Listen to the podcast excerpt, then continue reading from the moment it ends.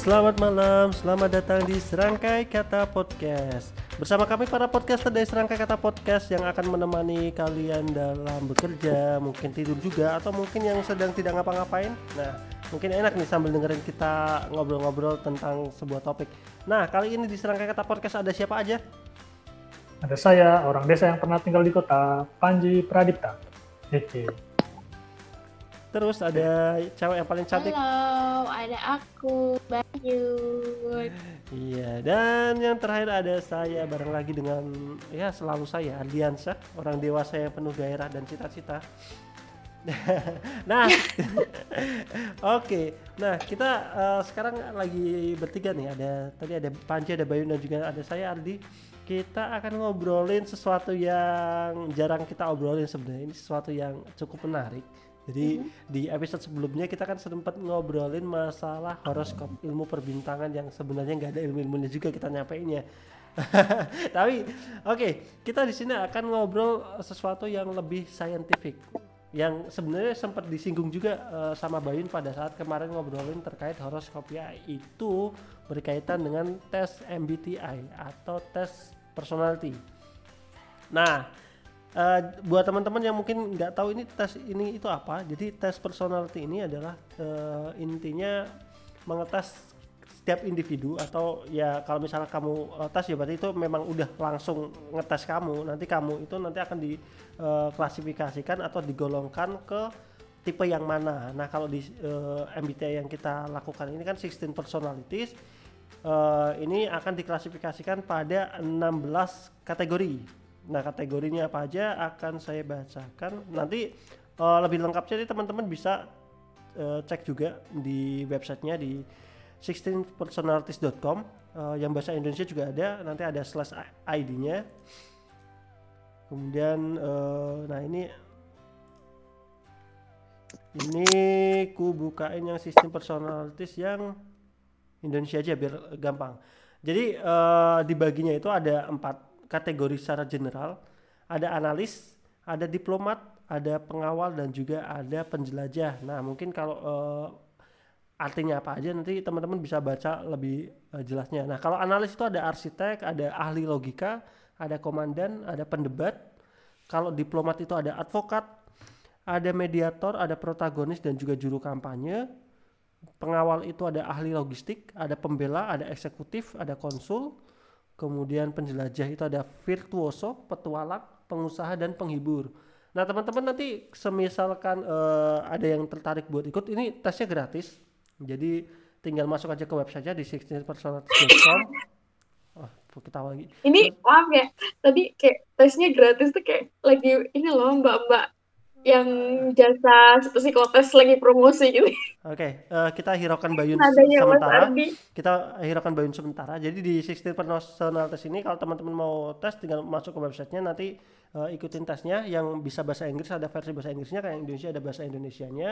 Nanti uh, sifat tesnya itu gampang jadi kayak teman-teman lebih ke mencocokkan uh, aja sebenarnya nanti misalnya pertanyaannya teman-teman itu mis misal contoh nih kalian itu lebih e, gampang marah. Nanti jawabannya cuma antara benar atau tidak. Nah benar atau tidaknya itu nanti ada range-nya. Benar banget atau benar aja atau e, netral atau gimana itu e, tinggal diisi aja sampai selesai. Nanti setelah selesai akan muncul hasilnya. Nah nanti dari hasilnya itu yang bisa e, kalian baca untuk sebenarnya misalkan kalian dapat komandan. Komandan itu orangnya seperti apa? Kemudian mulai dari uh, stresnya, weakness, kemudian bisa juga secara romansnya seperti apa gitu. Nah, kalau 16 personalities ini kan berarti dia sudah cenderung ke secara individunya ya. Nah, ini kayaknya kalau uh, di ini ini kan ilmu psikologi ya, psikologi manusia. Kayaknya ini uh, kita bertiga sepakat ya kalau 16 personalities ini yang benar-benar udah menggambarkan masing-masing individu. Ya, Ji? Uh, Mungkin. Oh, masih masih mungkin gak, ternyata. Gak bisa nggak bisa nggak bisa 100% tapi ya hmm. mungkin mendekati lah. Oke, okay. kalau Bayun gimana Jun?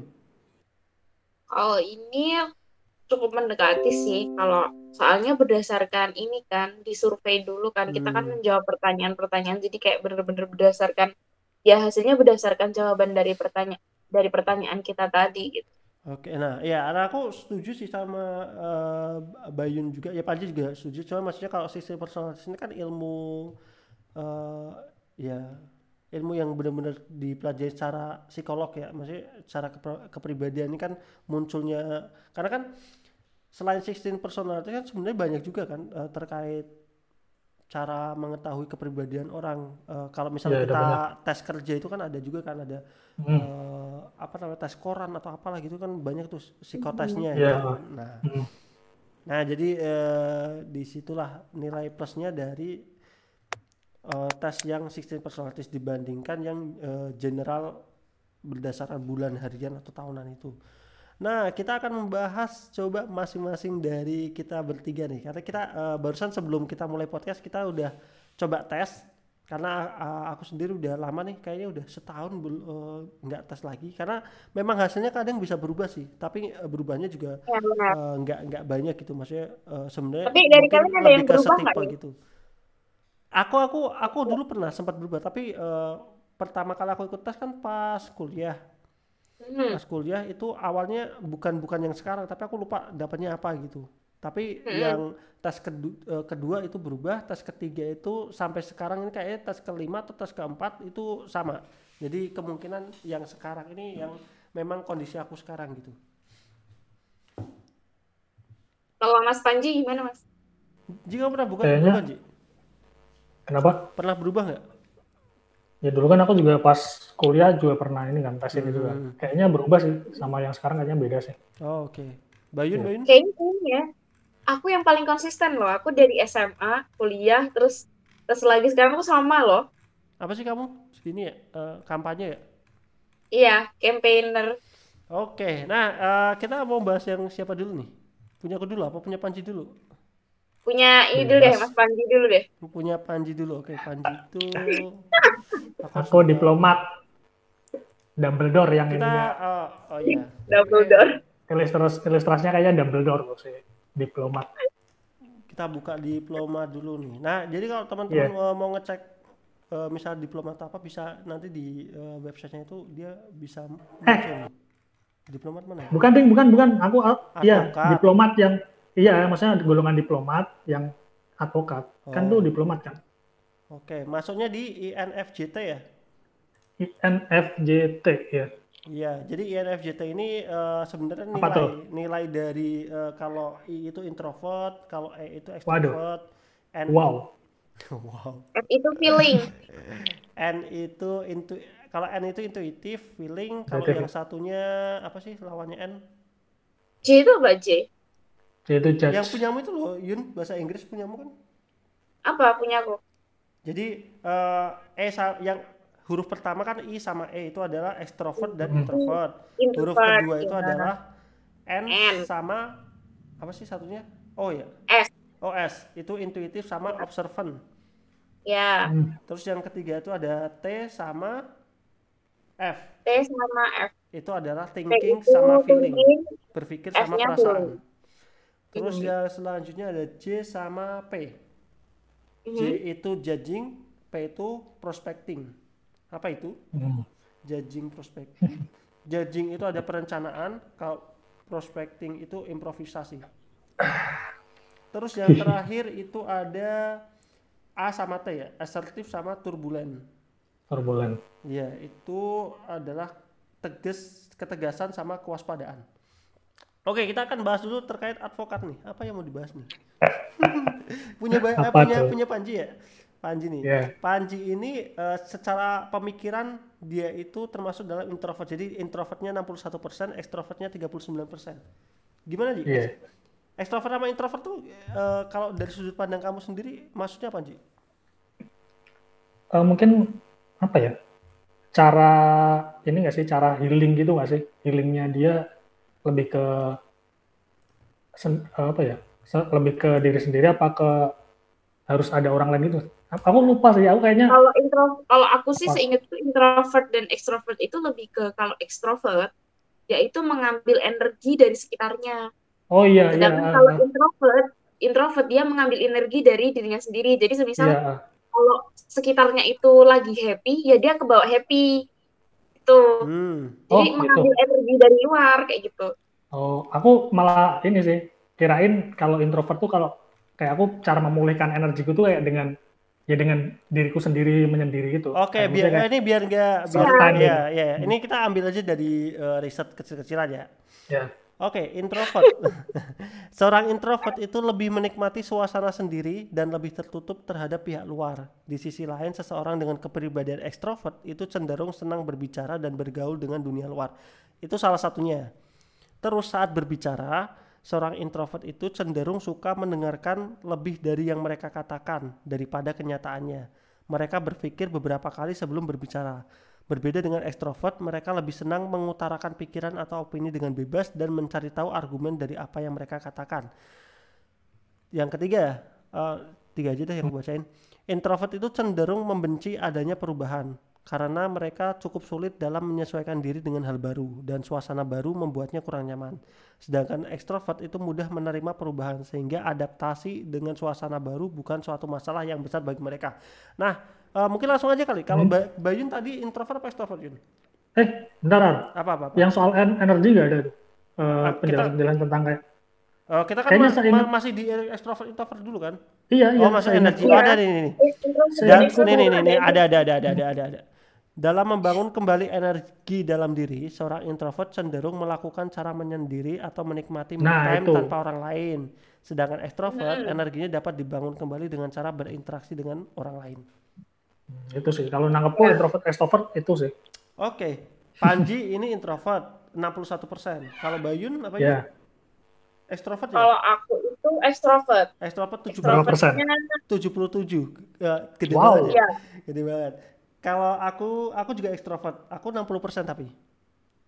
Oh masih ini sih masih bisa ini. ya. masih ya kita Eh, kita balance eh, lah. be- ah, iya sebenarnya agak balance sih 60 40 punya Panji kan juga 61 39 Bayun sih yang 77 33 gede banget kan. iya tapi kamu ngerasain Iya, emang emang gitu ya ya, nggak ada yang di tengah-tengah gitu ya. Kayak semuanya gede-gede.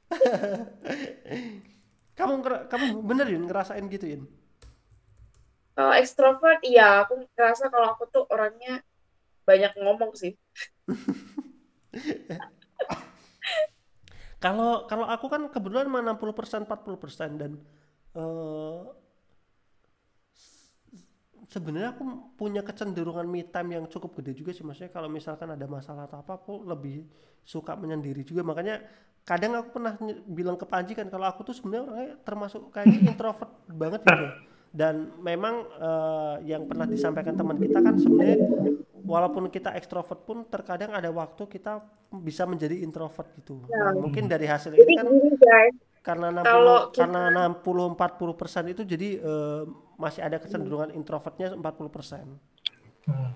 jadi gini kalau kita ekstrovert itu bukan berarti ini buat audiens kita ya. Jadi tuh Mhm. kalau sepenangkepku kalau kita ekstro, kita di golongan ekstrovert atau introvert itu bukan berarti kita 100% ekstrovert kayak gitu. Jadi kayak ada berapa persen dari diri kita yang introvert gitu. Jadi tinggal lebih dominan mana nih ekstrovertnya atau introvertnya. Kadang ada yang di tengah-tengah juga. Jadi kayak eh, kadang aku banyak ngomong tapi ada apa? Ada di mana aku juga baik sukanya kayak menyendiri kayak Mas Ian tadi. Jadi kayak eh, itu tergantung mana yang lebih dominan gitu sih.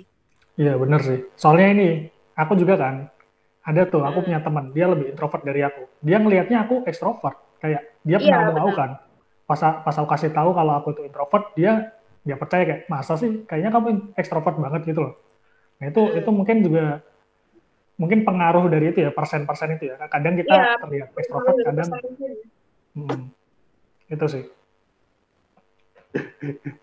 Par, apalagi? Oke, kita masuk yang ke ya itu in- introvert dan extrovert kayak gitulah ya eh, intinya. Hmm. Terus yang kedua berkaitan dengan energi yaitu visioner atau realistik. Punya Panji ini visioner yaitu 63%, realistiknya 37%. Punya Bayun eh, visionernya atau intuitifnya itu 74%, terus realistisnya itu 26%. Wah. kayak jomblang-jomblang semua ya. Tidak bisa berpikir realistis. Nah, punya aku nih bagus. Wih, sombong banget. punya aku itu visionernya 53%, real, realistisnya itu 47%. Nah, mungkin eh, siapa nih? Bayun atau Panji nih mau jelasin eh, ma- maksudnya apa nih antara visioner dan realistis? Jangan aku lah, nggak tahu lah. Nggak tahu. Saya Aduh bukan- gimana sih? Saya bukan Bagaimana anak psikologi. Dan realistis tuh? Iya, jadi eh Apa? jadi itu lebih ke gini loh. Kalau kalau realistis itu artinya setiap kita eh, mengambil keputusan atau langkah ke depan itu kita melihat eh, kenyataannya itu nanti bakal seperti apa gitu. Maksudnya ya kita tahu lah orang yang eh, sangat realistis gitu. Jadi misalkan takut tidak mengambil resiko gitu. Mungkin mungkin kalau aku menga- mengartikannya kayak lebih ke situ kayak. Jadi eh karena terlalu realistis itu kadang orang jadi kayak takut untuk mengambil resiko gitu. Beda kalau orang yang visioner. Orang visioner tuh biasanya dia punya step yang jauh lebih jauh gitu loh. Jadi pemikirannya itu nggak hanya dalam waktu pendek gitu, tapi dia udah eh, agak jauh dan artinya dia berani untuk ngambil resiko itu gitu. Misal misalkan contoh ke satu poin itu gitu. Kalau dari Panji sama Bayun gimana? Kan tadi kalian dua-duanya visioner ya? Ya. Itu itu ya. Hah? Iya kalian berdua Itu itu. Ya. ah. Kenapa? Kalau kalau aku sih penangkapnya eh, intuitif visioner itu dia lebih ke jadi eh, mengambil keputusan itu berdasarkan lebih banyak feelingnya gitu loh. Berdasarkan oke kita mengamati tapi kemudian eh, diolah lagi gitu loh. Hmm, Kalau beda Kalau observan. kalau kalau itu nanti masuknya ke antara rasional dan emosional sebenarnya. Oh iya, Iya, ja- jadi yang kayak tadi Yun, jadi kalau visioner sama eh, realistis itu lebih ke yang tadi. Jadi kalau visioner itu kita bicaranya itu jauh ke depan gitu. Jadi eh, ketika menyusun rencana itu kayak ya udah kita lebih ke berani mengambil resiko. Tapi kalau realistis itu biasanya melihat kondisi eh, nyatanya seperti apa, kemudian melihat kondisi eh, teman-temannya itu seperti apa. Jadi kayak ya ya ya itu jadinya kayak takut me- eh, tapi ada sisi positifnya juga sisi positif posi- positifnya ya apa yang dia rencanakan itu ya memang kondisi yang eh, sekarang sedang terjadi gitu loh jadi kayak pertimbangannya itu akan banyak banget itu kalau yang realistis itu. Nah, Hmm. tapi aku gini, aku mau pendapat ke terkait Bayun ya. Bayun kan termasuk yang visioner ya, eh, dan berapa persen tadi Yun? 70 ya ini? 74 74 persen ya. ya. Oh, oh. Gede Nah, banget. itu. Nah, ini aku mau ngasih contoh aja nih, ngasih contoh berkaitan dengan eh, podcast kita. Kan kita sempat ngobrolin masalah mau bahas apa, mau bahas apa gitu. Nah, kamu itu tipe orang yang eh, ketika melemparkan suatu bahasan atau apa pun itu terkadang terlalu jauh gitu. Jadi kayak misalkan eh, awal, jadi kayak waktu itu kan kamu sempat bilang eh, waktu itu mau membahas terkait toxic rela- re- relationship kan kamu nggak setuju. Tapi ternyata setelah itu kamu malah ngelempar toxic parenting yang itu sebenarnya malah terlalu berat kan. Nah itu kan eh, Terlalu berat ya. Iya, sedangkan pada saat itu kan aku cukup mendebat itu kan karena menurutku itu eh, nggak nggak realistis untuk kita bahas itu gitu. Maksudnya a- kalau aku kan kalau aku kan salah satu yang memikirkan realistisnya itu nggak nggak seperti itu gitu. Pasar kita itu belum sampai ke situ, terus eh, banyaklah pertimbangan-pertimbangan pertimbangan yang aku melihat kondisi sekarang gitu. Nah kalau eh,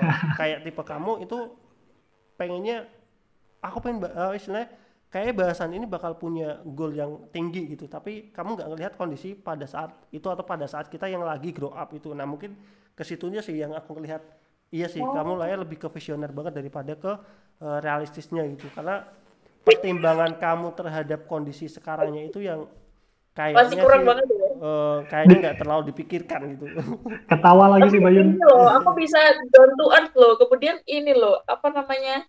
eh, aku memberikan ide-ide yang lain juga loh. Cuma Iya, iya, iya. aja di kalian berdua. nah itu maksudnya eh, apa sering banyak nah ini misalkan contoh nih ya Tipe kepribadian visioner adalah orang yang berpikir besar untuk masa depan. Wih, bagus tuh. Mereka Ya. merupakan kelompok yang inovatif dan memiliki mimpi untuk dicapai. Tipe kepribadian visioner ini juga memiliki kemampuan bersosialisasi yang bagus. Namun mereka juga tak jarang berdebat untuk menegaskan pemikirannya kepada orang lain. Dalam hal dalam hal percintaan, tipe kepribadian visioner ada orang yang penuh kejutan dan sulit diduga. Ih, ihir. Maka, nih kalau tipe kepribadian realistis merupakan tipe yang lebih fokus dengan apa yang sedang dihadapi saat ini. Kemampuan realistik yang Biar kalau realistis yang kalian dimiliki berdua ini ya, realistis ya? eh aku hampir imbang, aku imbang 50 53 berapa gitu. Tadi punya Panji Ah. masih 60-an apa? Visioner 63. Kamu 63. Kalau aku kan aku Iya. 50, aku 50 nih, 5 53 47 jadi 50-50. Hampir Kema- ya, kalau 60 itu kan masih hampir ya, maksudnya Iya, masih marginnya cuma 10 persen Hmm, hmm, hmm. gitu. Kalau aku ini tinggi banget. Iya, nih misal nih. Kemampuan 20. kemampuan realistis yang dimiliki tipe kepribadian ini jauh melebihi tipe kepribadian visioner dalam memanfaatkan sumber daya yang ada. Jadi itu eh, ketika memberi membuat step-step itu dia eh, melihat kondisi sekarang gitu loh. Jadi kayak wah sumber dayanya oke. sumber dayanya itu masih ini gitu loh. Kalau sedangkan yang visioner tuh ya kalau misalnya nggak ada ini ya kita cari yang lebih lagi gitu. Maksudnya lebih ke ke depannya gitu, lebih jauh gitu. Oke. Akan tetapi dalam segi imajinasi dan ide, tipe, tipe kepribadian realistis kalah jauh dari visioner ya benar. Karena Ya, ya, benar. melihatnya kondisi sekarang kan, gitu. Ketika sedang menghadapi masalah, masalah tipe kepribadian realistis lebih fokus kepada penyebab dari masalah agar masalah tidak menjadi lebih besar. Nah kalau kamu kan nggak memikirkan masalahnya kan, kamu pengen aja terobos gitu, karena visioner. Kenapa ini menjadi persidangan kepribadian saya? karena karena saya pendebat. Coba kalau dari Panji ada ada tanggapan ya, Ji? Eh, visioner realistis ya. Hmm. Sebenarnya mungkin eh, kayak banyak orang yang mikirnya oh visioner lebih bagus atau realistis lebih bagus. Menurut kayak ya Enggak, dua-duanya. Iya. ya dua-duanya kayak sama ya. Maksudnya ada Hmm. positifnya Eh, ada negatifnya. bentar. Oh ya mungkin dikasih ini ya dis- disclaimer bahwasanya eh, ketika kita bicara MBTI itu kan ada dua kategori tuh extrovert, introvert, Hmm. visioner, realistis. Ya. Itu tuh eh, istilahnya nggak ada yang mana yang bagus mana yang jelek itu loh. Jadi eh, Hmm. memang memang nan- man- nanti mengerucutnya itu eh, kamu bakal menjadi tipe orang yang seperti apa. Jadi ketik kalaupun dia lebih visioner bukan berarti dia jelek gitu. Jadi maksudnya memang ada plus minusnya masing-masing. Hmm, Gitu. gitu sih. Oke. Nah mungkin ini sih. Nah, Hmm, kalau yang gimana, masalah visioner sama realistis, eh ini enggak sih kalau yang realistis masalah tadi kan aku sebenarnya realistisnya 37 ya. Sama visionernya 63. Kan aku lebih ke visioner sebenarnya. Hmm. Cuman aku kadang juga sering mikir ini sih kayak kalau misalnya mau ngambil keputusan Hmm, hmm. itu kayak yang pasti-pasti gitu sih kayak yang yang enggak yang enggak terlalu ber- beresiko lah beresikonya kayak resikonya kayak yang yang enggak terlalu gede gitu sih. Oh, Nah, oke. itu itu gimana tuh? Aku boleh nebak gak? Ah, kamu mempertimbangkan resikonya itu terhadap eh, lang- langkahnya, proyeknya, ataukah ada implikasinya pada orangnya? Orang dalam artian di timmu kah atau apanya gitu? eh ya ini ini apa ini? Ini konteksnya konteksnya apa dulu nih? Enggak, maksudnya kamu eh, ketika tadi eh, apa? Ah. Tadi dalam merencanakan sesuatu kamu masih Ah. tadi apa? Mempertimbangkan. Mas aku masih ada agak ngambil yang nggak terlalu beresiko gitu loh. Nah iya maksudnya Tadi kan- mi- misalnya contohnya ya itu kalau misalnya kamu eh, nggak nggak mau eh, resiko. Nah resiko ini kalau boleh aku tebak ini misalkan ini eh, kita ambilnya langkah yang kamu ambil ini bukan yang kamu sendirian ya kamu eh, dengan orang lain gitu Hmm. atau ada hubungannya sama orang lain. Nah apakah resiko yang kamu takutkan ini ini eh, kamu mikirinnya ke orang lain kah atau memang eh, lebih ke planningnya? Ke gini sih. Jadi aku langsung ke ini aja ya kasusnya oh, ya. iya, kasusnya. Jadi misalnya aku ada ada suatu ini ya. Aku ada suatu bisnis sama orang nih. Hmm. Oke, oke. Ya sama kayak tadi si Bayun, temenku misalnya dia itu pengen ini ini ini ini. Nah, aku tuh yang bagian keren-kerennya kayak kayak oh ini ini nggak bisa nih, ini resikonya terlalu tinggi. Ini yang yang ini oh ini kayaknya baru bisa. Itu sih kalau aku waktu itu penempatanku di situ. Nah, itu gimana tuh? Itu masuknya apa? Oh, oke. Yang pertama aku nggak bisa jawab pasti karena aku nggak bukan ahli psikolognya ya. Oke, ya nggak apa-apa. Oke. Tapi nanti kita coba lihat ke sifat-sifat yang lain karena kan masih ada Iya. sifat berkaitan dengan emosional rasional, ada perencanaan dan improvisasi. Mungkin bisa jadi itu masuk ke perencanaan Ji karena di sana Oh, kan iya, nanti iya. juga ada ke itunya kan. Kemudian ada masalah kewaspadaan dan ketegasan. Hmm. Itu kan juga nilaimu kan tinggi banget waspadanya. Ya, eh, mungkin mungkin eh, ya memang ada pengaruhnya ke yang lain juga kan, nggak hanya berkaitan dengan satu itu doang ya. Oke, Iya, iya juga sih. Hmm. Wait, wait, wait. apa? Oke. Kok kok jadi ini ya kayaknya bahasan kita tuh kayak berat banget gitu ya. Padahal aku tadinya tuh berpikir ini akan menjadi sangat seru gitu kan. Bahasannya light-light aja tapi kemudian dihadapkan dengan kasus-kasus di mana harus berpikir langkah apa yang diambil tuh kayaknya Nggak apa-apa, nggak berat apa-apa. banget. Or- orang orang yang eh tahu nggak bahasan-bahasan berat itu yang malah lebih banyak didengar di podcast kita daripada bahasan-bahasan Oh, iya? receh. Iya. Kalian senang sekali menyiksa otak saya ya. Oke, Ginar, kita lanjut dulu nih. Lanjut, Kita lanjut, lanjut. ke yang ketiga itu ada sifat. Sifat ini ada rasional dan emosional. Kayaknya kita paham lah kalau yang maksudnya jadi lebih simpelnya kayak antara logika dan juga perasaan. Mungkin lebih ke situ kali ya. Hmm. Oke, kita lihat dulu Panji nih. Panji ini lebih ke emosional. Itu Iya. ya 54%, 54 persen. eh, ra- logikanya ada 46%. Si Iya. Bayun perasaannya 88%, logikanya 12%. Emang kamu tidak pernah berpikir gitu.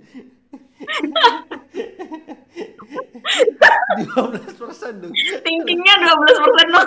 Kamu tuh iya. Eh jangan begitu loh. Tapi biasanya kalau orang yang feelingnya kuat tuh apa intuitif jadi kayak ngerti gitu apa yang apa yang akan terjadi itu biasanya ada feeling feeling kuat gitu loh Iya, iya, iya. Kayak cenayang emang. Cenahnya. Iya emang kayak tenayang Eh, tapi ini loh, Ar, karena Eh, bentar karena aku belum kita aku belum nyebutin membaca apa. membaca sekitar membaca energi sekitar biasanya Iya iya iya. Ini punyaku itu rasionalnya itu 64%, emosionalnya itu 36%. Jadi logikanya eh, lebih tinggi. Gimana, Ji?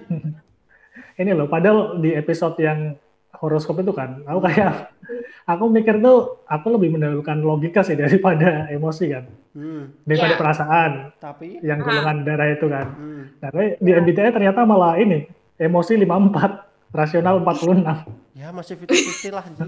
Ya, iya sih, iya sih. masih Mungkin 20 Bentar, kita kita ini katakan 50 50 kalau marginnya berapa persen nih? Eh, 5%. Eh ya, ya Iya, berarti betul. ya Poman masih di eh, 60 ke bawah lah. 60 ke Oke. bawah ya. Ya. Oke. Kita sepakatin dulu. Iya, kita kita itu kayak bukan bukan bukan ahli dari awal. bukan ahli psikolog tapi menyepakati margin gitu. Nah, ini makanya Ya. serunya di podcast kita adalah kita tuh sok tahu. Oke, Panji. Oke, jadi gimana Ji? Ternyata kamu 50 apa 50 50 nih antara rasional dan juga logika. Iya sih, mungkin yang dari yang yang episode sebelumnya yang golongan darah itu mungkin yang pas aku ingat yang pas bagian aku mendahulukan logika sih, mungkin yang pas mendahul- mendahulukan Ya. perasaan aku lupa. Oh, iya, Jadi- iya, bisa jadi, bisa jadi. Bisa jadi. Soalnya memang anu kan masih mirip kan, masih di Iya. 50 50. Iya sih, tipis ya. Iya. Nah, kalau Tipis, tipis. Yun, ini kamu mau aku eh, debat ya nih Yun? Kenapa Yun? Ayo keluarkan eh Mas Panji dong. Masa Ayo, tadi Mas. Ian mulu Ji, Gimana Mas? Panji nih? punya Bayun ini rasional 88%, logikanya cuma Hmm. 12%. Ji. Ya, terus kenapa? Jangan ketawa ya. Di MBTI itu tidak ada yang jelek dan buruk loh. Iya, iya, ada Nggak juga apa-apa. Maksudnya Nggak apa-apa eh, sih. Dari kamu lihat Apa? Bayun itu memang seperti itukah kenyataannya? Eh, sebenarnya kan karena aku belum terlalu Kenal banget. kenal lama sama Bayun ya. Ya, maksudnya aku Makanya nggak. telepon malam kenal. Ya Allah, tolong, tolong, tolong. Itu sih Ar. Oke. Eh, karena aku kan ini tuh harusnya sebenarnya yang lebih mengenal Bayun Bayun kan Bayun sendiri kan ya. Ya mungkin Oh, bisa. Aku, jadi aku, aku benar. mengenal, aku mengenal. Ya Oke bisa oke Mas Arifnya kalau gitu gimana gimana? Iya. bisa Sebagai- jadi ini benar, bisa jadi Oh, ya mungkin Bayun menilai dirinya sendiri salah gitu kan juga bisa kan. Iya, Bayun, ja, Bayun jangan lupakan saya wakabit kamu selama satu tahun di organisasi iya, iya, itu ya. Jadi Ya, eh, gimana, gimana? Aku melihat kamu memang seperti itu. Jadi istilahnya udah udah visioner, udah udah visioner nggak pakai logika lagi. Eh tapi uh, Bayun ini Bayun ini jadi mewarnai itu war, mewarnai keanekaragaman manusia-manusia yang ada iya, di dunia kalau ini. kalian kalau kalian bikin podcast berdua tuh kayak warnanya hitam doang. Iya. Kalau ada saya kan jadi rainbow. Aduh. Aduh, pelangi deh. pelangi dong. ya intinya itu sih. Jadi benar sih maksudnya uh, orang-orangnya sih orangnya orangnya itu eh, nggak uh, nggak nggak mikir dulu gitu kayak tercos aja dulu. Iya nanti kalau udah. Karena intuitif. Intuitif yeah. tuh biasanya apa yang di kepalanya itu kan hmm, banyak ya. Jadi yeah, langsung ngomong tuh nggak dipikir dulu nggak diproses yeah, gitu loh. bagusnya kamu kan emang, benar, uh, benar. makanya mas uh, Aji kan juga suka marah. Istilahnya suka kesel sama kamu karena ngomong tanpa dipikir gitu ceplas ceplos aja gitu kalau ini ya kalau aku pribadi sih hmm. bener banget sih aku lebih mengutamakan feeling sih. Tapi uh, sebenarnya aku takut juga sih dengan hmm. kekuatan feelingku karena kadang punya kalau ada feeling feeling kalau ada feeling feeling yang nggak baik tuh kadang ini loh takut kejadian gitu loh. Karena feeling feeling yang baik itu sering terjadi kan. Jadi ketika ada feeling itu kok nggak enak nih? Itu itu bikin aku takut sendiri tapi hmm. ya gitu deh. Tiba-tiba tiba-tiba gelas pecah terus kayak mikir kan kayak wah apa ini yang akan terjadi ya, enggak dong nggak gitu. Telepati. karena gini ya guys orang-orang feeling itu orang-orang feeling ya bukan bukan orang orang ya mungkin aku ya. Hmm. kalau aku tuh uh, membaca membaca alam. Jadi kayak waduh bahasanya kayak apa banget ya membaca alam. Maksudnya tuh kayak aduh nggak ngerti ya bahasa yang tepat tuh apa. Kayak hmm bisa membaca energi di sekitar gitu loh. Jadi kayak eh ini nanti kayak gimana ya? Jadi kayak di di dalam hati di dalam diri tuh kayak ada yang menggerakkan aja gitu loh. Uh, jadi makanya makanya benar aku tuh kadang nggak nggak berpikir gitu loh. kadang uh, seringnya nggak pakai uh, logika. Jadi karena kayak aduh kayaknya milih ini nggak enak deh ini aja deh gitu. Karena ada kayak hal lain yang dibaca gitu loh. Oke. Okay. ya udah itulah ya lanjut lanjut lanjut kalau kalau aku kan udah kelihatan banget aku juga udah menyadari kan pas pembahasannya lalu kalau logikaku itu uh, aku lebih mementingkan logika daripada perasaan logika 64 persen hmm. perasaan 36 persen jadi kalau misalkan misalkan anda ingin berdebat dengan saya pastikan logika anda berjalan terlebih dahulu gitu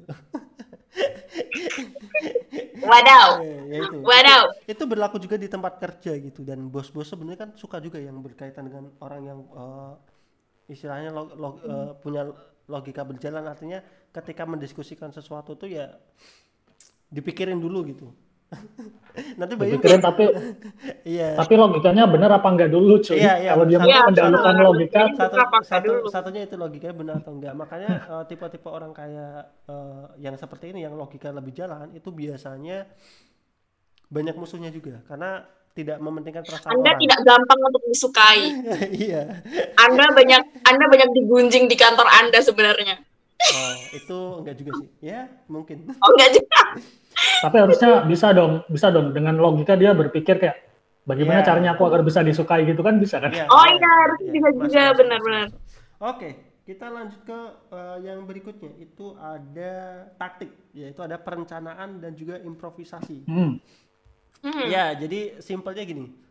Uh, dalam taktik ya perencanaan ini maksudnya perencanaan bisa apa pun tuh. Jadi ketika merencanakan hmm. sesuatu itu kalau ya misalkan perencanaannya lebih besar, dia itu matang banget tuh merencanakan karena dia pengen pada saat nanti berjalan itu udah harus uh, semaksimal mungkin sesuai dengan apa yang dia rencanakan.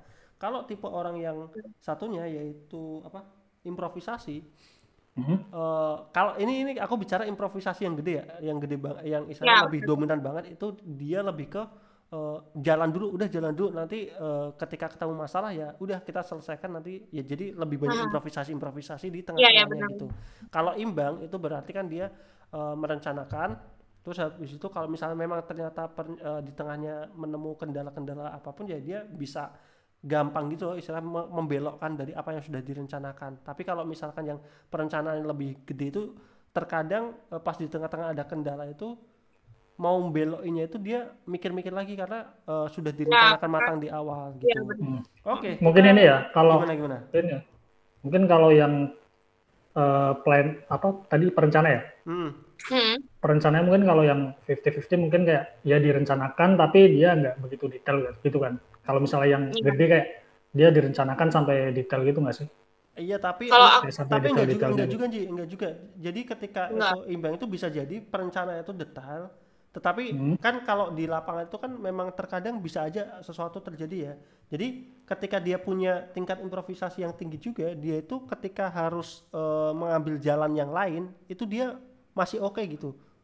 Terkadang ada beberapa orang yang dia eh, ketika di tengah-tengah udah nemuin eh, masalah, tapi itu masih pengennya berpegang teguh pada perencanaannya. Jadi ketika ada masalah itu pengennya nanti ketika dia belok itu balik lagi ke rencana awalnya gitu. Oh gitu. Kalau aku setuju sama Mas Ardi sih, yang Mhm. kalau menurutku itu yang dimaksud tuh eh, orang yang apa namanya, kalau 50-50 itu berarti ketika dia sudah membuat rencana di tengah jalan dia mengalami masalah, ya dia bisa berimprovisasi dengan baik gitu loh. Jadi nggak harus eh, stick dengan eh, plan pertama dia gitu. Jadi dia mungkin lebih luwes gitu ya, bi- Hmm, bisa hmm, luwes hmm. gitu, Iya. Nah. bisa luwes gitu. Coba sekarang kita balik nih. Kalau yang tadi kan perencanaan yang gede kan. Kalau yang Hmm. improvis improvisasi yang gede berarti gimana? Nah ini saya, ini saya. Dia dia nggak berarti nggak ini ya, nggak apa nggak kalau mau Iya, dia itu lebih, ke dia itu lebih penting eh, sebenarnya kalau yang tipe-tipe yang eh, improvisasi gitu itu kayak kalau misalkan eh, mau jalan sesuatu tuh ya udah jalan dulu aja nanti eh, Jalan dulu. di tengah-tengah ketika ada eh, sesuatu jadi dia lebih kondisional Ji. ketika ada sesuatu ya belok ada sesuatu lagi belok tapi dia udah ya sama aja sebenarnya udah punya tujuan juga tujuannya ke mana Iya, jadi tetap pegangan ke situ kalau ini kan aku ya, kalau aku kan eh, apa namanya? eh kita bentar kita bacain intro- dulu ya bacain bacain dulu Yun Eh, Panji apa kamu apa Oke. tuh Kalau aku kan improvisasinya itu aku ini ya eh 72%. Sedangkan eh satunya apa sih? Eh, judging atau Judgingnya. perencanaan Nah, Ya, kalau perencanaanku tuh cuma 28%. Sedangkan kalau Mas Panji, Mas Panji itu dia improvisasinya 37%. Terus kalau perencanaannya 63%. Hmm. Tinggi tinggi juga ya perencanaannya Mas Panji ya. oh iya Iya, aku aku planner banget sih. Enggak, enggak, enggak. Kalau Mas Ardi itu dia ini ya, bagus kan eh perencanaannya empat sembilan perencanaannya 20 empat sembilan 49. Oh iya, 49. Sedangkan eh, untuk eh, Improvisasi. improvisasinya 50%. Ini ini ini ini banget sih. Ini 50-50 banget sih Mas Ardi. Hmm. Dibandingkan sama Mas eh, Mas Panji. Coba kamu dulu Yun, tadi kamu ngomong apa Yun? Kamu kan tadi eh, improvisasi banget ya orangnya. Ya, kalau aku improvisasi banget itu lebih ke ini contoh yang gampang dimengerti aja ya. Jadi kalau Mhm. diberikan pertanyaan dengan kasus yang susah kayak Mas Ian ke Mas Panji itu nanti otaknya nggak nyampe. Jadi ini biar biar kalian ini juga paham. Jadi kalau uh, improvisasinya yang lebih banyak itu kalau di aku lebih ke ini. Ingat nggak Mas waktu kita di Jogja terus jam 9 malam. Ayo kita keluar itu. Itu improvisa improvisasi banget sih. Jadi waktu Sangat- itu sangat random itu. ya sangat random. Jadi jam 9 malam aku chat Mas Ardi ayo kita keluar gitu kan. Ya udah kita kayak keluar aja itu waktu Mas Ardi mau ke mana? Itu. Nggak tahu ya udah penting keluar aja. Tiba-tiba kita sampai puncak. Sampai puncak gitu. gunung. Ya improvisasinya kayak gitu. Jadi kayak tidak terplanning gitu Mhm. karena kalau aku kalau aku pribadi kalau aku memplanning sesuatu itu malah nggak jalan Hmm. karena tidak ada eh, unsur kejutannya gitu loh Eh, eh, tahu nggak Ji? Aku sekarang tahu judul podcast yang sekarang. Kenapa? Si, Apa? Ba- si Bayun ya, udah visioner, nggak mikir. Terus ini yang terakhir apa tadi? Improvis, Improvisasi. improvisasi. iya. udah ntar judulnya aku jelek-jelekin aja Bayun dah. ya enggak, enggak, enggak. Kalau kalau Panji kan kebetulan tadi eh, 60 60% lebih ya untuk perencanaannya. Jadi kalau misalnya aku bisa Hmm. melihat kamu memang pengen ketika kamu merencanakan sesuatu tuh mat- ma- harus matang dulu gitu. Ma- matang banget. Tapi kan dengan angka 30% improvisasi artinya kamu masih menerima untuk eh, ketika di tengah-tengah ada perubahan tuh masih oke lah gitu. Ya aku ini sih improvnya kalau paling kalau udah kepepet ya udah sih ya improve aja kayak ngikutin gitu-gitu ada. let, let it flow lah kayak ngikutin yang ada. Nah ini bentar, ini kayak aku tadi masih belum menangkap ini nih. Kalau tadi kan perencanaan dia positifnya dia merencanakan dengan matang kan. Hmm. Iya. Nah, negatifnya kan dia kalau misalnya ada sesuatu yang nggak sesuai kayak agak susah Ya, udah. beradaptasi lah. Nah, kalau improvisasi nih, dia kan positifnya bisa gampang penyesuaian nih. Nah, negatifnya apa? Ya, kalau negatifnya- improvisasi. Negatifnya dia tuh eh, terkadang ketika improve tuh kayak nggak terplanning gitu. Maksudnya improvisasi itu kan sebenarnya juga butuh mikir ya. Ya mikir improvisasi ya nggak planning dong, Pak. Ya ma- maksudku ketika Iya. kita improvisasi pun kan sebenarnya kita juga eh, harus eh, tahu kita mau se- seperti apa kan. Masa im- improve improve tanpa mikir itu kan kayak kayak misalkan ini kita dalam satu misal contoh aja gak simpelnya kepanitiaan ya. Kita udah Sebenarnya ini aneh aneh juga sih kalau improve gak pakai mikir tuh kayaknya nggak mungkin bisa improve Iya, deh. iya, iya makanya Ma- maksud maksud Nah, ini loh. saya sedangkan impro- improvisasinya tinggi, tapi thinkingnya rendah coba. Hmm, Padahal saya improvisasinya tinggi loh. Sebenarnya lebih ke masalah kondisionalnya Yun. Eh, jadi Oke. ini contoh misalnya dalam kepanitiaan ya. Kepanitiaan Hmm. Eh, katakanlah eh, di tengah-tengah nih yang harusnya jadwalnya itu jam 9 pagi itu acara A, ternyata si Hmm. pengisi acaranya itu belum datang gitu. Nah, kalau orang yang eh, apa istilahnya improvisasinya bagus, itu kan im- improvisasi itu kan harus juga berpikir dalam artian oh yaudah lah ini digeser-geser aja, ini geser ini, ini geser ini gitu. Atau atau misalkan oh ini kosong waktu di akhir masih ada ya udah kita isi dulu aja untuk kegiatan yang lain yang penting jangan kosong gitu. Nah, eh tapi kan ada juga yang orang ya sebenarnya aneh juga kalau ada yang kayak gitu. Dia main improvisasi tapi nggak nggak mikirin eh, ke depannya. Jadi ketika dia improv sekali ke belakang itu kayak improv improv terus gitu loh. Jadi malah berantakan gitu. Oh, bisa jadi ke situ juga Ji. jadi eh, tadi kamu nanya apa ya?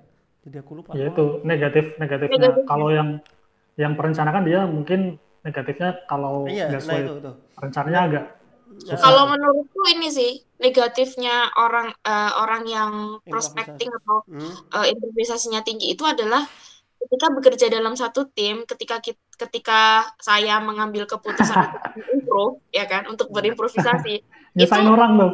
nyesain orang benar. Jadi kayak krunya itu jadi bingung gitu loh, susah untuk mengikuti. Jadi lebih ke itu sih. Tapi bagusnya ya itu tadi, ketika ada suatu masalah, kita itu eh, untuk eh, menghandle-nya itu berpikirnya Ya. cepat. sama Tapi mungkin untuk orang yang eh, mengikutinya mungkin agak kesusahan sih. Ya, mungkin balik aja, dibalik. Jadi ketika orang yang punya improvisasi tinggi tapi eh, perencanaan jelek, dia Hmm. eh, pas awal tuh kayak nggak nggak merencanakan dengan matang. Jadi jadinya ketika Iya. dia berjalan itu ya isinya improv doang gitu.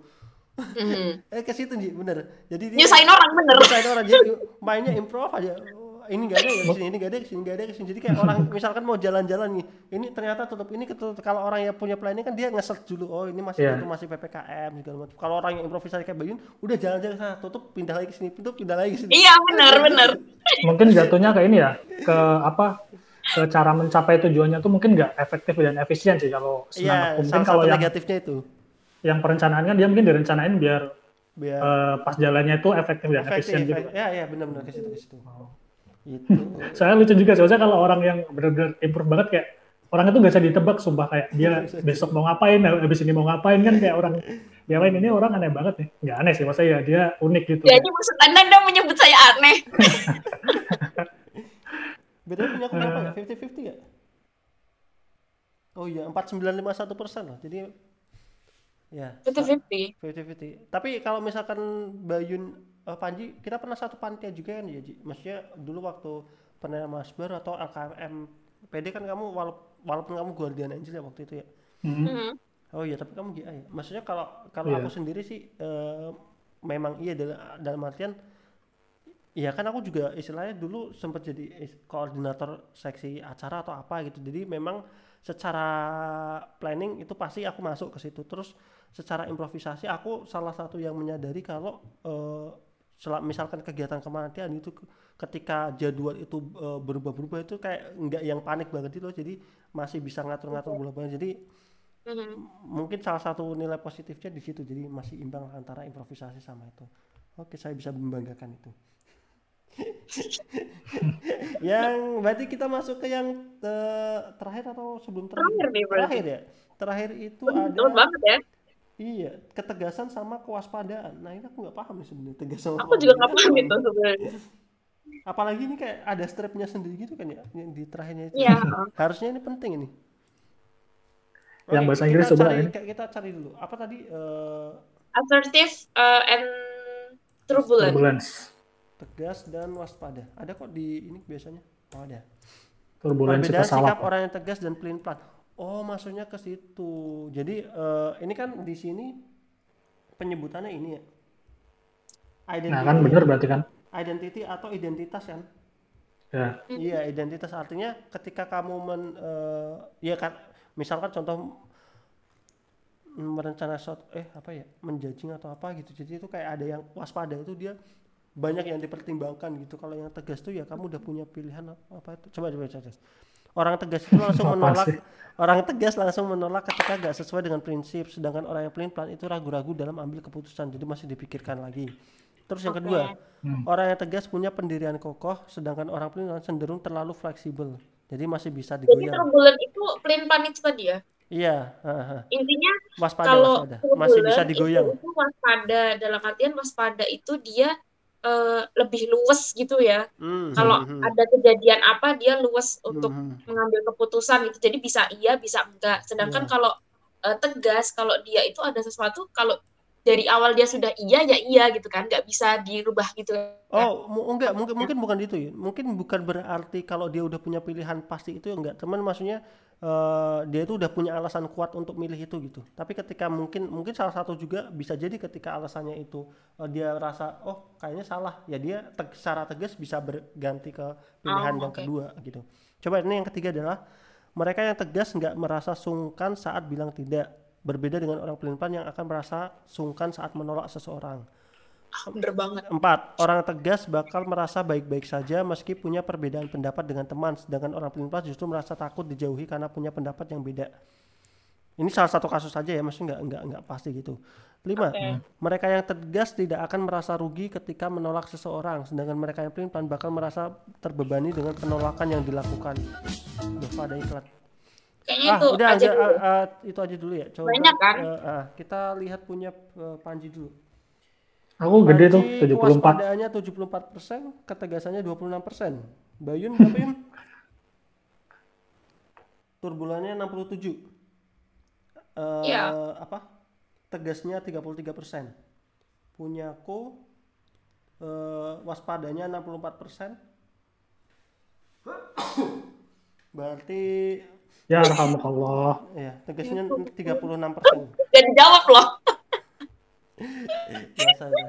Berarti eh, ini secara general kita bertiga semuanya termasuk yang turbulen ya, waspada semua ya. Ya. Cuma yang paling turbulentnya paling kuat aku ya kayaknya 67% ya. Enggak, Panji 74.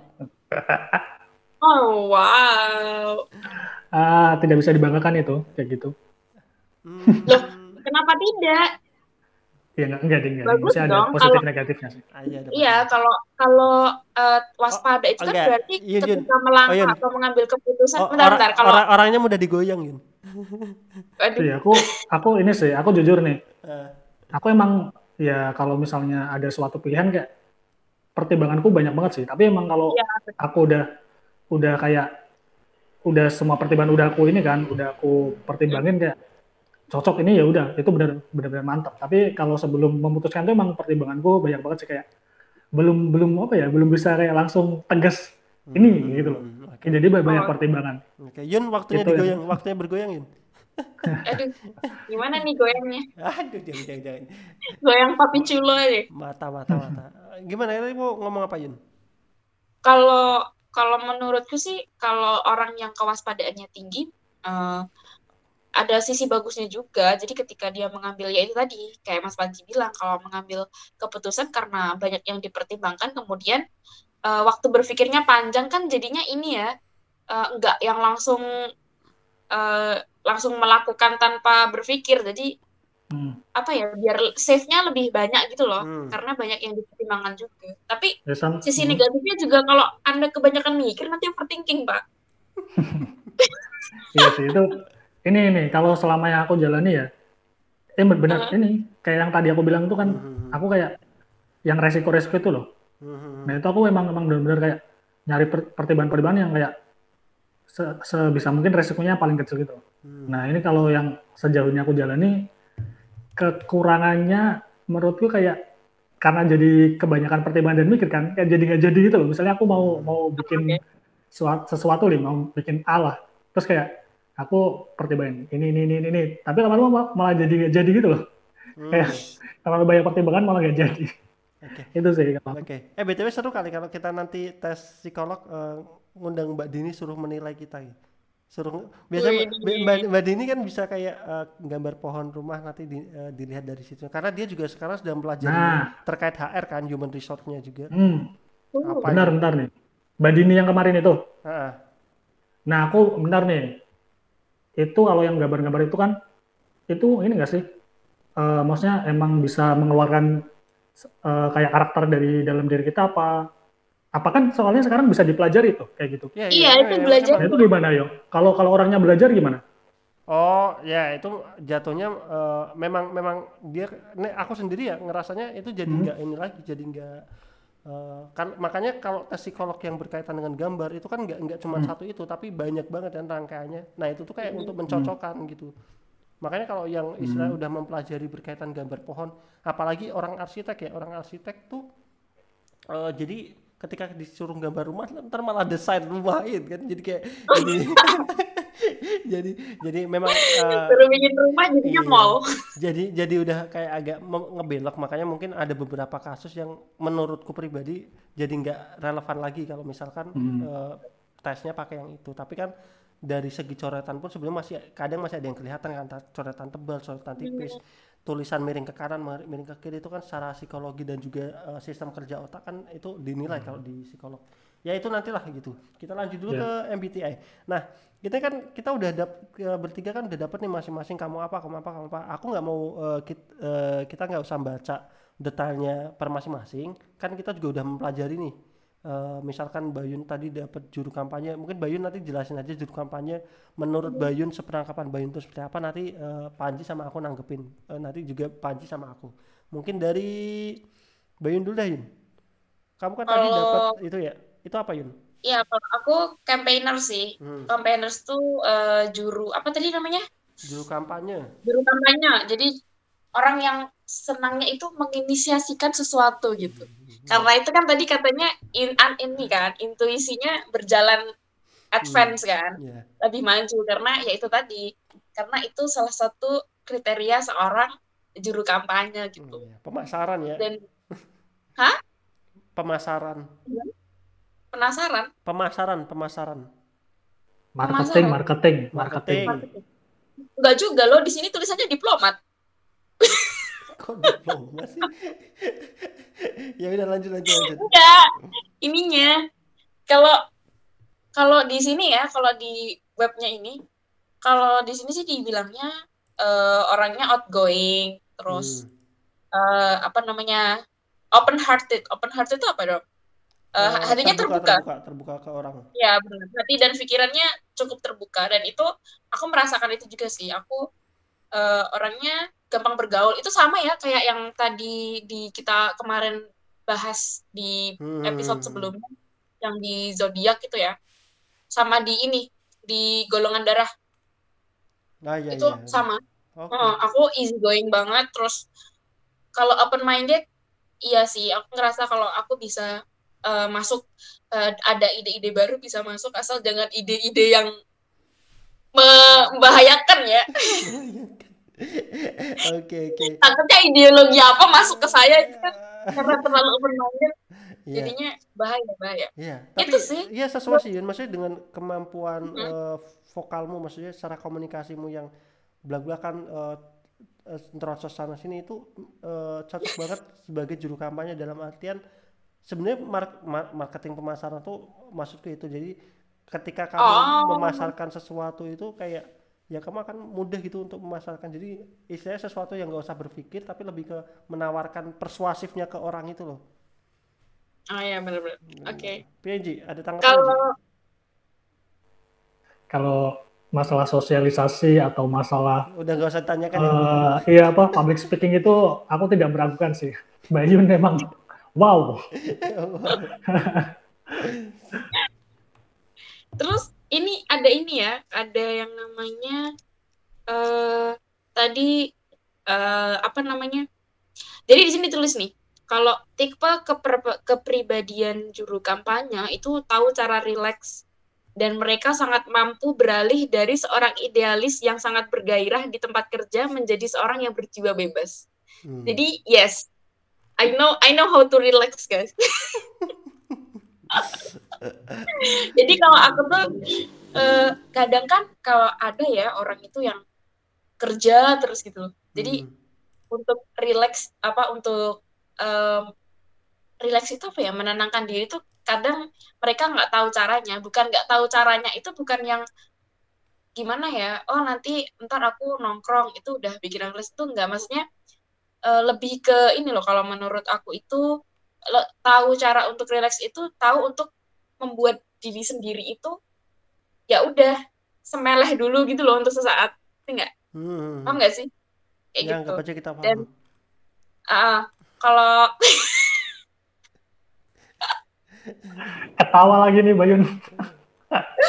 karena kalian kayak nggak paham gitu padahal saya sudah menggunakan kata-kata sederhana loh di antara kalian berdua eh di antara kita bertiga yang thinkingnya paling rendah itu saya harusnya kalian tuh paham apa yang saya katakan Makanya kita nggak paham apa yang kamu omongin. Aduh.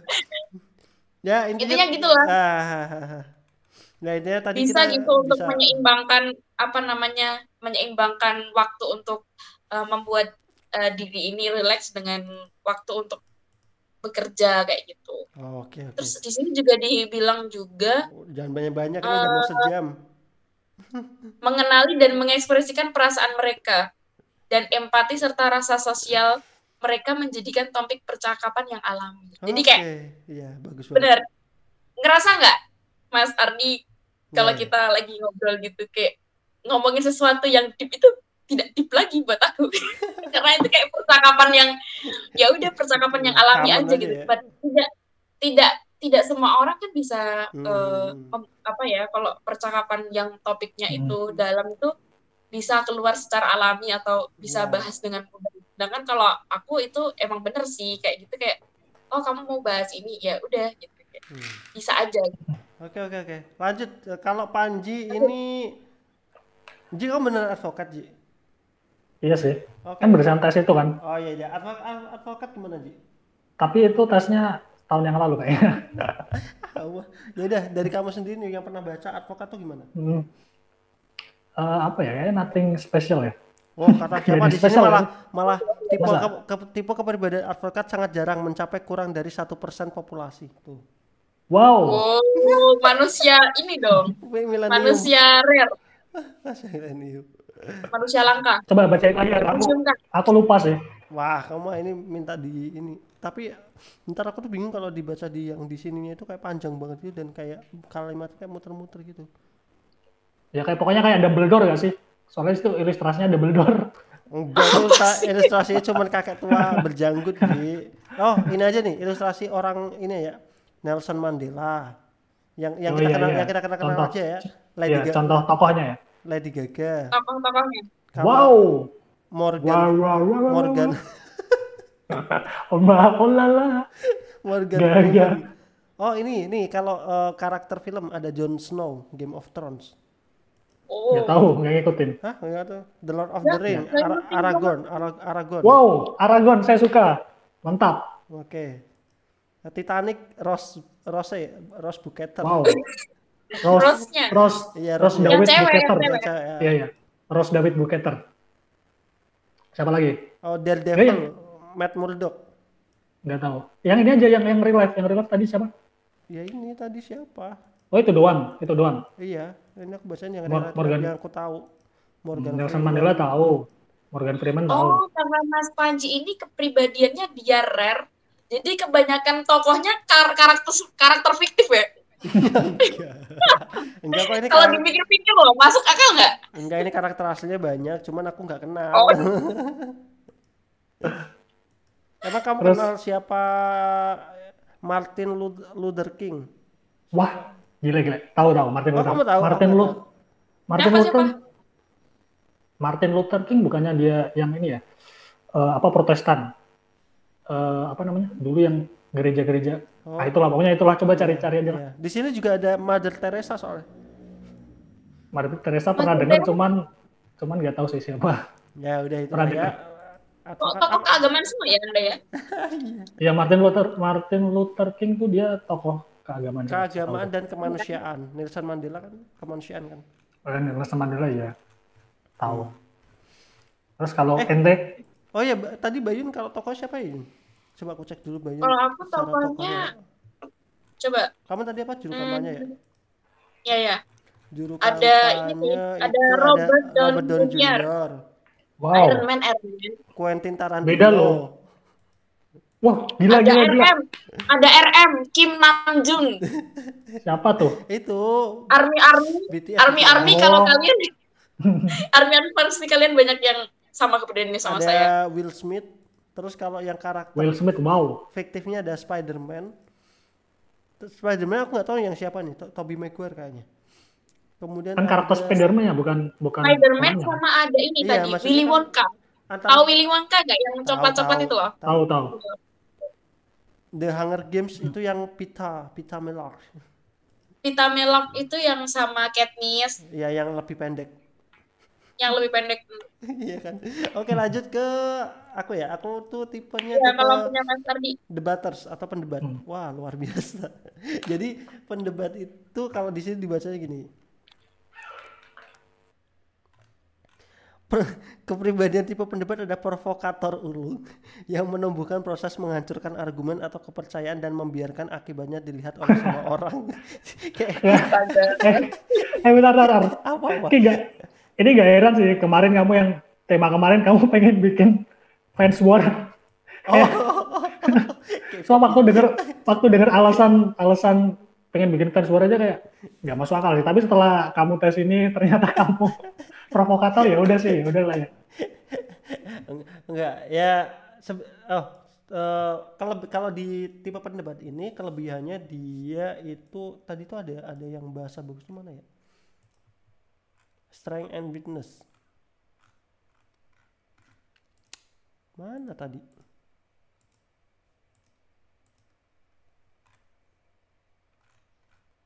Halo, halo. Krik, krik. Iya, ya udah momen itulah istilahnya eh, sa- tapi salah satu poinnya pendebat ini dia eh, istilahnya karena dia suka mendebatkan sesuatu dalam artian sebenarnya bisa bisa ke arah diskusi bisa ke arah dia eh, mendiskusikan sesuatu tapi dia udah punya kayak jawabannya bukan jawabannya istilahnya pendirian dia itu seperti apa. Jadi secara in- eh, pemahaman atau intelijensi atau pengetahuannya dia ya memang harus kuat di situ gitu. Dan salah satu poin positifnya kan di situnya ya, untuk berdiskusi dan juga ya Panji juga udah tau lah aku kalau misalkan pas dulu zaman zaman kaderisasi kayak apa ya maksudnya eh, ngototnya seperti apa maksudnya tapi kan itu juga dipikir gitu nggak nggak yang eh, angkat tangan tapi kayak nggak nggak punya alasan atau apa gitu nah langsung ke tokoh aja deh Ke- karena kan tadi kita udah bahas semuanya kan ciri eh, per itunya masalahnya tokohnya nggak ada yang aku kenal nih Tom Hanks Coba coba siapa? nih oke Tom- Coba. Tom Hanks. Alfred Break Al Ian Kovic sopo nih. Kayaknya kalau covid-covid gitu kayaknya orang ini nih orang Eropa Timur kayaknya yang ada fake-fake-nya gitu. Adam Savage, Adam Savage. Nggak tahu. Sarah Adam Savage itu bukan yang ini ya penyanyi itu bukan? kayaknya penyanyi soalnya dia pegang mic. Iya kan, yang penyanyi kan. Perancang Siapa lagi? khusus. Perancang kok. Se- Sarah Silverman. Nggak tahu sih. Mark Twain. Manusia silver. Mark Twain nggak tahu, nggak tahu. Nggak Tom tahu. Hanks, Tom Hanks pasti tahu. Iya. Eh bentar, ini tadi kan kayak Tom Hanks terus tadi Bayun Robert Downey Jr. Hmm. Itu karakter Enggak, itu karakter orangnya orangnya. Iya. Tokohnya kan Orangnya. bukan bukan karakter di Kamu enggak, enggak karakter Bukan, orangnya. Enggak, maksudnya maksudnya karakter orang asli real life-nya kan, Iya, bukan real life, real life, real life, real life. bukan Real life. Bukan fiksinya. Hmm. Tom Hanks, Thomas Alva Edison. Wah, Thomas. Wow. Shalina Tapi saya saya saya pendukung ini Tesla. Oh iya, Tesla. oh iya, astagfirullahaladzim. Iya, aku mendukung Tesla juga. nah, kalau karakter fiktifnya Kapten Jack Sparrow. Pirate of the Caribbean. Padahal Wow. Jack Sparrow itu dia ini loh. Jack Sparrow itu kalau di filmnya itu dia orang yang improvisasi terus loh. Enggak, kalau itu maksudnya itu ya, cuman kalau di betternya emang aku ini sih kayak Jack Sparrow tuh dia kayaknya ngeyelan sih orangnya. Hmm, hmm, hmm. Oh iya benar ngeyelan. Kayak dia dia tuh ngeyelan sih kayak Ardi persis kayak The Better gitu. Terus nih, The Tapi Better, The dia nggak banyak planning, nggak banyak plannernya, nggak banyak nge-planning sesuatu. eh ngawur Jack Sparrow itu planning ya. Dia meledakkan sesuatu segala macam tuh dia itu ada planning, cuman di filmnya itu dia tidak digambarkan memplanning itu gitu loh. Orang dia mencuri aja mencuri bank ditarik eh, sama kuda gitu. Iya iya iya. Iya. Terus ada The Joker. Wis Joker. Joker. Ya ah, sayang Panji nggak nonton Game of, Game of Thrones jadi nggak tahu Tyrion Lannister. Iya. Iya, banget. Siapa Iya. tuh? Tyrion Lannister tuh yang bocil ya ya, ya kan ya Yun. Aku taunya ini sih siapa namanya? Tadi Nama siapa? kucing Namanya siapa? John Wick. Eh John Wick. Siapa? Tyrion John. Lannister. Enggak kalau Enggak, aku yang- Snow Jon Snow. Jon Jon Snow. Snow. Jon Snow itu kan yang malah tokoh utamanya kan. Iya, tokoh cowok utamanya. itu. Nah, yang cowok itu. Oh, Karena Tyrion. Lannister itu kan emang dia pendebat. Jadi istilahnya kayak Tapi kayak jadi Ini ya, kayak jadi advokat atau sekretaris atau apalah gitu. enggak. Ya kan Kalau advokat. Panji itu Eh. tadi Enggak, aku ya aku aku. dibilangnya Oh kamu. penuh dengan pertimbangan ya. Tadi Mhm. anu ya per- pertimbangannya tinggi kan 70 berapa. Tapi kalau di film di film Game of Thrones itu emang si Jon Jon Snow. Itu kalau dia ngambil keputusan dia tuh kayak mikirnya lama banget gitu loh. Banyak hal Hmm. yang dipertimbangkan. Iya kan? Mhm. Oh mungkin sih. Ya, Aku nggak Harus nonton nonton, itu soalnya. udah nggak Harus nonton, harus nonton Season kamu. season akhirnya jelek kok. Aku kalau Oke. series banyak itu males. Eh, eh, ah tapi kamu nggak bakal bisa berhenti sih kalau udah nonton season satunya Game of Thrones. Hmm, kita oke, betul kita udah membahas sejam lebih nih untuk berkaitan dengan MBTI yang kayaknya tadi aku mikir-mikir awal kayaknya ini bakal bentar ternyata bakal panjang banget ya pembahasannya ini. Betul BTW buat teman-teman. Ya. Kita kan pakainya eh, website ini ya, jadi Hmm. be- belum tentu ini tuh akurat, gitu kan? Jadi kalau Hmm, buat hmm. teman-teman mau buat seru-seruan aja bisa juga tes di website ini, tapi jangan bener-bener di Jangan apa ya terlalu- diyakini 100% gitu ya. Ya. Jadi buat buat have fun aja. Kalau mau yang lebih akurat Ya. mungkin bisa pakai jasa eh, konsultasi Ya. yang lebih Hmm. profesional. Ya. Iya benar. Soalnya ini sih. Kenapa? Iya sih. Maksudnya jangan terlalu diambil serius lah. Soalnya aku juga pernah baca Iya, artikel ada yang menentang MBTI juga kayak argumen-argumen mereka itu ditentang sama orang gitu. Maksudnya kayak Oh, tentang kevalitan kayak gitu. Aku Ah, pernah baca itu juga sih. Kalau kalau Iya. aku aku aku malah kebalik ya. Kalau aku lebih ke eh, silakan kalau mau ambil serius terkait hal ini, tinggal kamu lihat aja strength kamu di situ apa, kamu cocokkan. Eh, ketika itu memang punya strength kamu ya kamu tingkatkan. Nah, ketika kamu lihat weaknessnya itu katakanlah eh, memang sesuai dengan kelemahan kamu seperti itu, ya berarti kamu punya istilahnya ada gate gitu untuk gimana sih cara ngatasin. Kamu tahu kelemahanmu itu di mana. Ataupun ketika kelemahannya itu ternyata nggak sama sama kamu ya udah nggak usah diambil pusing. Lebih ke situnya aja sih. Nggak apa-apa buat Iya. Menilai itu Tapi semenjak tes ini, setelah melihat hasil tes ini, saya jadi punya PR loh. Saya membiasakan otak saya untuk berpikir. nah itu kan salah satu bagusnya Karena thinking saya cuma 12%, Pak. Sedih banget bacanya. oke Ya betul. pokoknya ini sih apa ini kayak salah satu tools lah untuk Iya. mengetahui kita seperti apa. Maksudnya bukan bukan berarti kayak kita harus saklek ini Iya. bener 100% kita harus Ya, gitu ya. mengimani Oh, iya. kan. masalahnya kan Dong. terkadang kita agak susah untuk menilai diri sendiri kan nah mungkin dari sini kan kita bisa tahu nih eh, ini kan bukan kita yang menilai walaupun kita istilah kita yang menginput tetapi kan secara eh, kesimpulannya kan kita nggak menjudge diri kita sendiri jadi bisalah salah, Ya, salah satu untuk melihat lagi ya. sebenarnya itu kita itu seperti apa sih gitu siapa tahu benar kan Hmm. oke betul Dan kita sekali lagi ya, audiens. Sekali lagi ya, audiens kita. Jangan eh, mempercayai semua kata-kata yang kami ucapkan di sini. Iya, kita aja risetnya Karena kami hanya tahu. Oke. Oke, betul kita udah cukup lama nih sejam 8 menit. Kita juga rek recordnya jam 12 malam. Ini saya takut nih sebenarnya agak teriak-teriak ntar dilempar tetangga nih. Oke, mungkin itu saja untuk malam ini pembahasan kita dari serangkai kata podcast terkait MBTI. Nah, sekali lagi buat yang kalian mau coba silahkan coba saja. Eh sebenarnya apa yang kita sampaikan sebatas ke pengetahuannya sedikit tapi hiburannya semoga lebih banyak dari lebih banyak yang Ya. bisa untuk menemani kalian mungkin tidur, mungkin kerja ataupun yang lain. Oke, eh, itu aja dari kami bertiga. Saya Ardiansyah. Saya Panji Millennium. Saya bagian aja. Oke. Terima kasih. Selamat datang kembali di Serangkai Kata Podcast. Selamat malam. Bye. malam. Oyasumi nasai.